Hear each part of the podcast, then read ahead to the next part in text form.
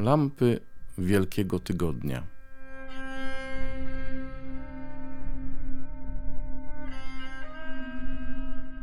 Lampa trzecia. Środa. O wspólnym celebrowaniu Paschy. Ksiądz Alvaro Grammatica na podstawie Ewangelii według świętego Mateusza, rozdział 26, wersety od 14 do 25.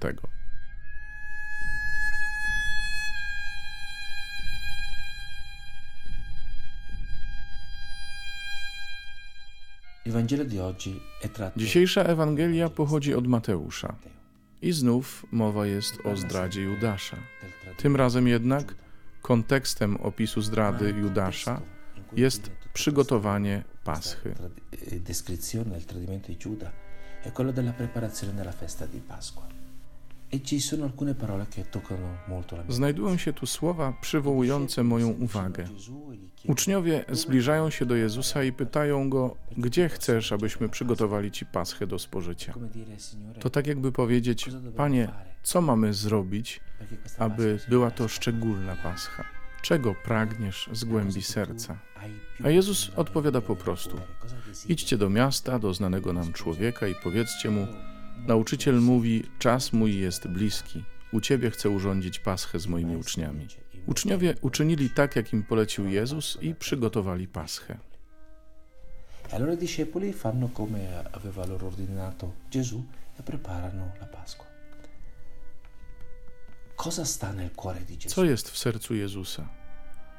Jezus nie chce przeżywać paschy w samotności, ale razem ze swoimi uczniami. Słowa Mój czas się wypełnił należy połączyć ze słowami z moimi uczniami. Czas się wypełnia, czas staje się błogosławiony, kiedy przebywam z moimi uczniami. Quando io sto con i miei discepoli. Te, Te słowa chcę urządzić paschę u Ciebie, czyli u mnie, oznaczają, że prawdziwe błogosławieństwo, moje prawdziwe spełnienie, ośmielę się powiedzieć, moja prawdziwa przemiana dokonuje się wtedy, kiedy potrafię celebrować Paschę z moimi braćmi. A celebrowanie Paschy oznacza dzielenie ze sobą tego, czym jest śmierć, ale również tego, czym jest zmartwychwstanie. Oznacza dzielenie ze sobą nadziei. W ten sposób Pan Jezus chce nam zostawić taki nakaz. Celebrujcie Paschę razem, bo tylko razem będziemy umieli patrzeć oczyma zmartwychwstania.